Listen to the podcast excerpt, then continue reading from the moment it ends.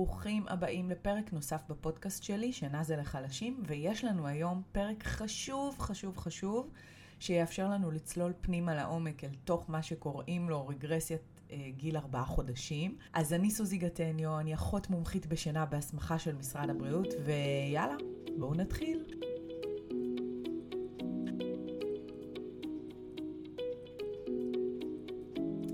ואני רוצה לספר לכם על איש יקר שפונה אליי ואומר לי, סוזי, הראל ישן מצוין. באמת לא היו לי תלונות, ופתאום אני לא יודע מה קרה לו. הוא התחיל להתעורר בלילה כל שעה. נשבע לך שהיה לי יותר קל עם השינה שלו כשהוא היה newborn. כשהוא הגיע לגיל ארבעה חודשים, כאילו משהו התקלקל, משהו השתבש, הצילו. אז אני רוצה רגע לנסות ולפשט לכם את מה שכולם קוראים לו משבר גיל ארבעה חודשים או רגרסיית ארבעה חודשים, ונתחיל בלהרגיע. לא, אתם לא מדמיינים, משהו אכן קורה שם בגיל הזה עם השינה של התינוקות שלנו, וכדאי להגיע לשלב הזה כשאתם מבינים ומוכנים לשינוי הזה. אז אם יש לכם חברים, הורים לתינוקות, בגיל שלושה ארבעה חודשים, תשלחו להם את הפרק החשוב הזה, זה יעזור להם. אז מה לכל השדים ורוחות האופל קורה שם בגיל ארבעה חודשים? חשוב להבין שיש כאן טווח. לא לכולם זה יגיע בגיל ארבעה חודשים. השינוי הזה קורה בין גיל שלושה חודשים לבין גיל חמישה חודשים, ולכן הרבה תינוקות כבר בגיל שלושה חודשים יעברו שינוי בדפוסי השינה שלהם. ומה שקורה בטווח גילאים האלה של שלושה עד חמישה חודשים, זה שמבנה השינה של התינוקות שלנו בעצם עובר מלהיות מבנה שינה של newborn, שכלל רק שני שלבי שינה, שלב השינה הפעילה ושלב השינה השקטה, למבנה שינה של מבוגרים. והמבנה הזה פתאום, במקום שני שלבים, כולל ארבעה שלבי שינה. כולל פתאום מרכיבים של שינה קלה, שעד עכשיו לא הייתה חלק ממחזורי השינה שלהם. כניובורן הם לא חוו את שלבי השינה הקלה. ותוסיפו לזה שנכנסים לנו גם שלבים של יקיצה בין מחזורי השינה. גם משהו שלא אפיין את השינה שלהם כניובורן. רגע, רגע, רגע, רגע. וואט? תעצרי.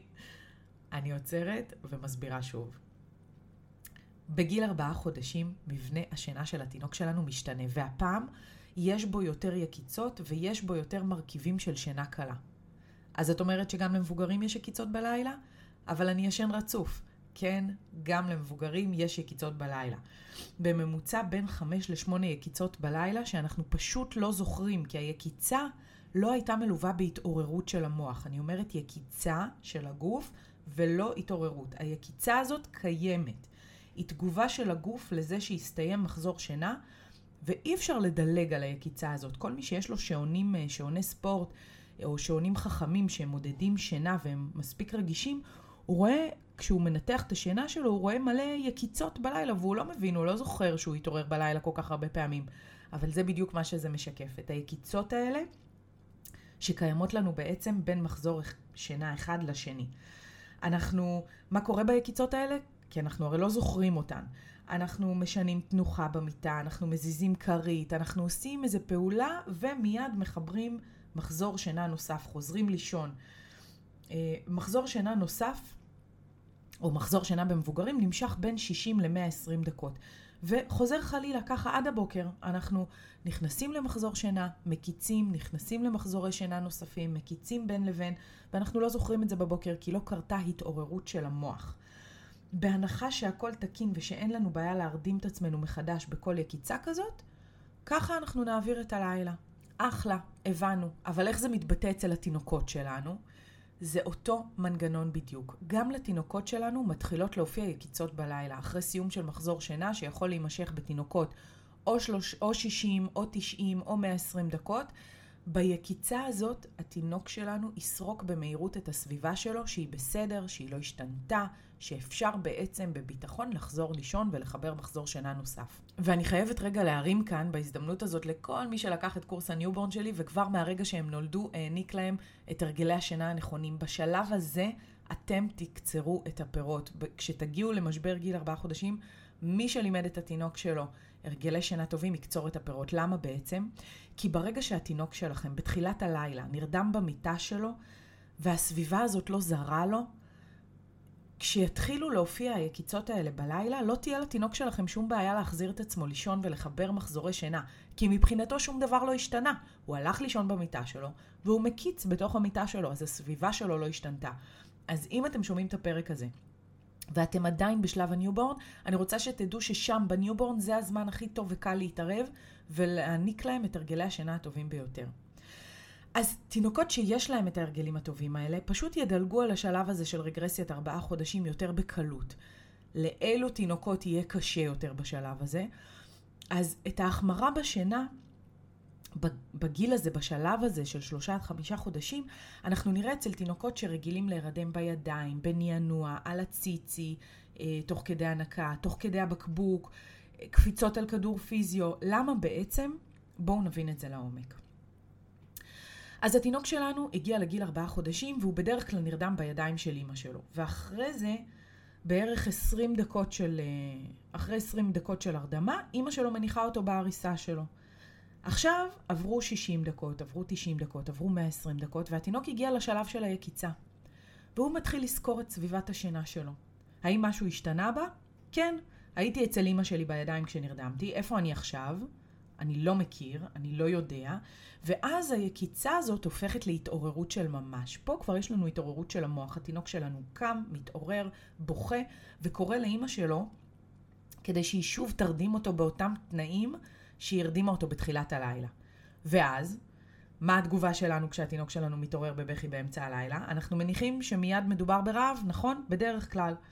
אז אנחנו מאכילים אותם, ואנחנו מרדימים אותם על הידיים או עם הבקבוק, ואז הם שוב נכנסים למחזור שינה, ואחרי שעתיים שוב מתעוררים, ואז אנחנו משכנעים את עצמנו שמדובר בטוח באיזושהי קפיצת גדילה, ואנחנו מציעים להם עוד האכלה. והנה עובדה, הם באמת גם אוכלים ומסיימים את הבקבוק, אז הם בטוח היו רעבים. ואז שוב אחרי שעתיים הם מתעוררים. כמה לילות כאלה, והגוף שלהם כבר התרגל להתעוררויות האלה בלילה. ועכשיו הם כבר ממש תלויים בידיים, בנענוע, בבקבוק, בציצי בשביל להירדם. וככה למעשה מתחילים הלילות הלבנים של רגרסיית גיל ארבעה חודשים. זה בעצם המנגנון. ככה זה מתחיל, ככה זה נולד, ככה זה קורה, וככה אנחנו עושים פעילויות שמנציחות את ההתעוררויות האלה. ואני אספר לכם, אני, אני עכשיו אסבך לכם קצת את העניינים, כמו שאני אוהבת להסביר לכם עד הסוף, כי אני רוצה שתהיו ממש ממש מבינים בשינה. ואני אספר לכם שבגיל ארבעה חודשים, התינוקות שלנו מתחילים להיות מודעים לעולם הגדול שסביבם. ודברים שפעם קרו והיו רק רעשי רקע עבורם, כמו שאר האחים שלהם בבית, כמו הטלוויזיה ברקע, כמו החתול או הכלב, זהו. נגמרו הימים האלה. עכשיו כל פיפס קטן שקורה זה הדבר הכי מעניין בעיר, זאת ההופעה הכי טובה בעיר. הדעה שלהם מוסחת בקלות מכל דבר קטן, אתם בטוח שמתם לב לזה אם אתם uh, הגעתם לשלב הזה. הארוחות שלהם הופכות להיות מאוד מאוד קצרות. עכשיו תוסיפו לעובדה הזאת את זה שהתינוק שלנו כבר קיבל המון אוכל בלילה, נכון? אתם זוכרים מהסיפור הקודם, ותנחשו מה יקרה. נכון, עכשיו אני גם מגדיר את התינוק שלי כהוא לא אוכל טוב, הוא בקושי אוכל לי. אתם מכירים את המשפט הזה? הוא בקושי אוכל לי. ואז נחשו מה יקרה בלילה. נכון, הוא שוב יתעורר כל שעה-שעתיים כדי לאכול. והפעם הוא כבר באמת רעב, כי הוא בקושי אכל במהלך היום. ותראו איך ככה למעשה נוצר לו מעגל רשע של אכילה בלילה במקום אכילה ביום. ואני עצרתי את זה במו ידיי. עכשיו אתם מתחילים להבין איך פתאום הלילות שלכם הפכו לסיוט? איך פתאום הלילות השקטים והרגועים והשלמים הפכו פתאום ללילות לבנים. אנחנו קוראים לתופעה הזאת של, ש, שתינוק בעצם אוכל את רוב הקלוריות בלילה, אנחנו קוראים לזה reverse cycling. כאילו הפכנו את מעגל האכילה. וכשאנחנו רוצים לטפל בסיטואציה הזאת, כשהיא כבר קיימת, אנחנו צריכים לעשות את זה באופן מאוד מאוד מאוד עדין ומחושב, כי כבר יש שם רעב. אז מה אפשר לעשות? ההמלצה הראשונה והכי משמעותית שלי אליכם היא, כמו שאמרתי לכם בהתחלה, מניעה. תגיעו מוכנים לגיל ארבעה חודשים. תגיעו עם תינוק שכבר יש לו הרגלי שינה טובים ותתחילו לעשות את זה מגיל אפס. קחו את הקורס שלי לישון מהרגע הראשון וזה בדיוק מה שהוא ילמד אתכם לעשות, למצוא את האיזון ולדעת איך ליהנות מהמון המון המון הרדמות על הידיים, התקרבלויות, מתן אהבה ובין מדי פעם גם שינה במיטה שלהם. כל הפרטים על הקורס נמצאים בתחתית הפרק. ההמלצה השנייה שלי היא להכיר ולהבין את מה שהתינוק שלנו עובר ואת השינויים בשינה שלו ובהתפתחות שלו בגיל ארבעה חודשים. השינוי הזה במבנה השינה קורה לכל התינוקות. אין תינוק שזה לא יקרה לו, זה חלק מההתפתחות התקינה. חלק מהתינוקות יעברו את השלב הזה חלק, ולחלקם יהיו יותר קשיים, אז תגיעו מודעים כדי שלא תיבהלו כשזה יגיע ותדעו מה לעשות. תדעו לזהות ואז גם תדעו מה לעשות. הטיפ השלישי שלי אליכם הוא שתניחו את התינוק שלכם במיטה שלו כשהוא ער לחלוטין. זה הסוד הכי הכי הכי גדול, זה הפתרון הכי טוב. ואם רק המחשבה על מה שכרגע אמרתי לכם, להניח אותו ער במיטה שלו, המחשבה בלבד מעבירה בכם צמרמורת, כי אתם מבינים שזה רחוק רחוק מלהתאפשר אצלכם, זה הזמן להבין איך עושים את זה בגיל ארבעה חודשים. וזה הזמן להתמודד עם הקושי, כי אם אתם רועדים מהמחשבה אה, של לעשות את הפעולה הזאת, סימן ששם נעוצה הבעיה. אז אה, קדימה, טפלו בזה בגיל ארבעה חודשים. אה, בגיל ארבעה חודשים אנחנו כמובן עושים את זה בדרך אחרת, לא כמו ב newborn, כי כבר הם, אה, יש להם יכולות יותר מתקדמות מאשר newborn. אז אה, אם אתם צריכים את, ה, את הקורס שלי לגיל ארבעה חודשים, אני שמה לכם את הלינק גם שם, מתחת לפרק, ותלמדו איך לעשות את זה בהדרגה ונכון, ואיך ללמד את התינוק שלכם להירדם מבלי להיות תלוי בידיים, באוכל, בנענוע, בציצי, וככה הוא בעצם יוכל להחזיר את עצמו לישון גם בהתעוררויות שבאמצע הלילה. גם בשלב הזה זה עדיין לא מאוחר מדי, זה לא שיטות שמשתמשות, ב, ב, שכרוכות בבכי, כמו בגילאים היותר גדולים, כשכבר יש מחאה. מאוד מאוד עדין, מאוד מאוד מותאם לגיל. הטיפ הרביעי הוא, כשהתינוק שלכם מתעורר באמצע הלילה, אל תקפצו עליו כמו במבצע צבאי בדרגת סיווג גבוהה. שנייה, חכו שנייה. תנו לו הזדמנות להחזיר את עצמו לישון. יכול להיות שהוא ישמ... ישמיע קצת קולות, אולי הוא אפילו יקטר קצת או ימלמל לעצמו, זה ממש ממש בסדר. תנו לו דקה, אולי הוא יצליח לחזור לישון.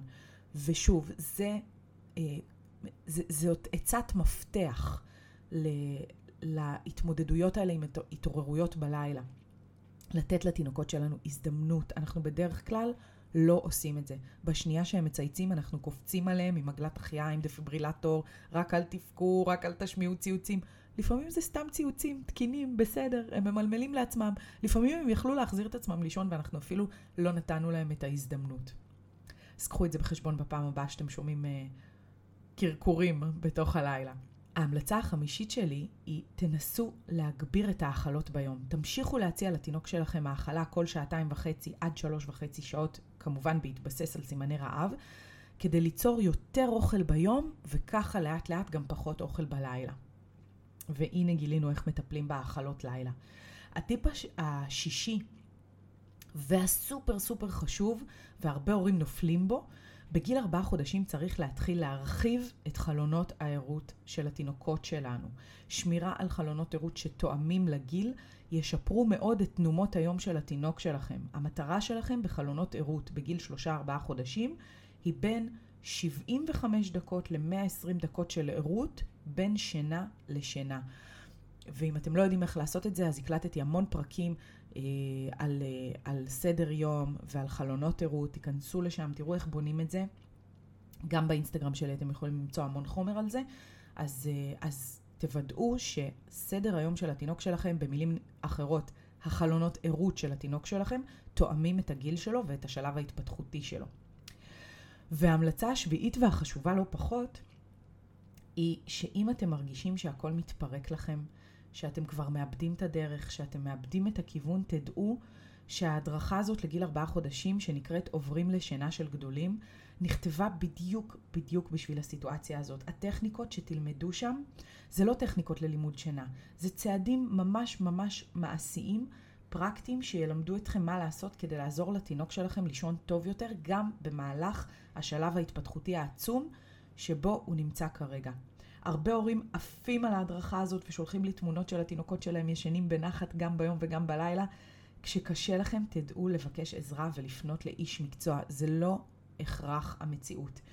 אז אני מקווה שאחרי הפרק הקסום הזה והמאוד מאוד אינפורמטיבי ופרקטי, אתם יכולים לומר עכשיו בוודאות שאתם מבינים בדיוק מה קורה לשינה של התינוק שלכם בגיל ארבעה חודשים, ולמה פתאום נראה בבת אחת שהכל השתבש או החמיר, ואיך אנחנו נשאבים לתוך מעגל של תגובות לא נכונות להתעוררויות האלה, שרק מחמיר את מצב הלילות שלנו ומעודד עוד ועוד התעוררויות. קיבלתם כאן המון טיפים על איך לשפר את המצב הזה. אל תשכחו לשלוח לחברים שלכם שהם בעצמם הורים לגילאים האלה את הפרק החשוב הזה. ועד הפרק הבא, נשיקות. ביי יוש.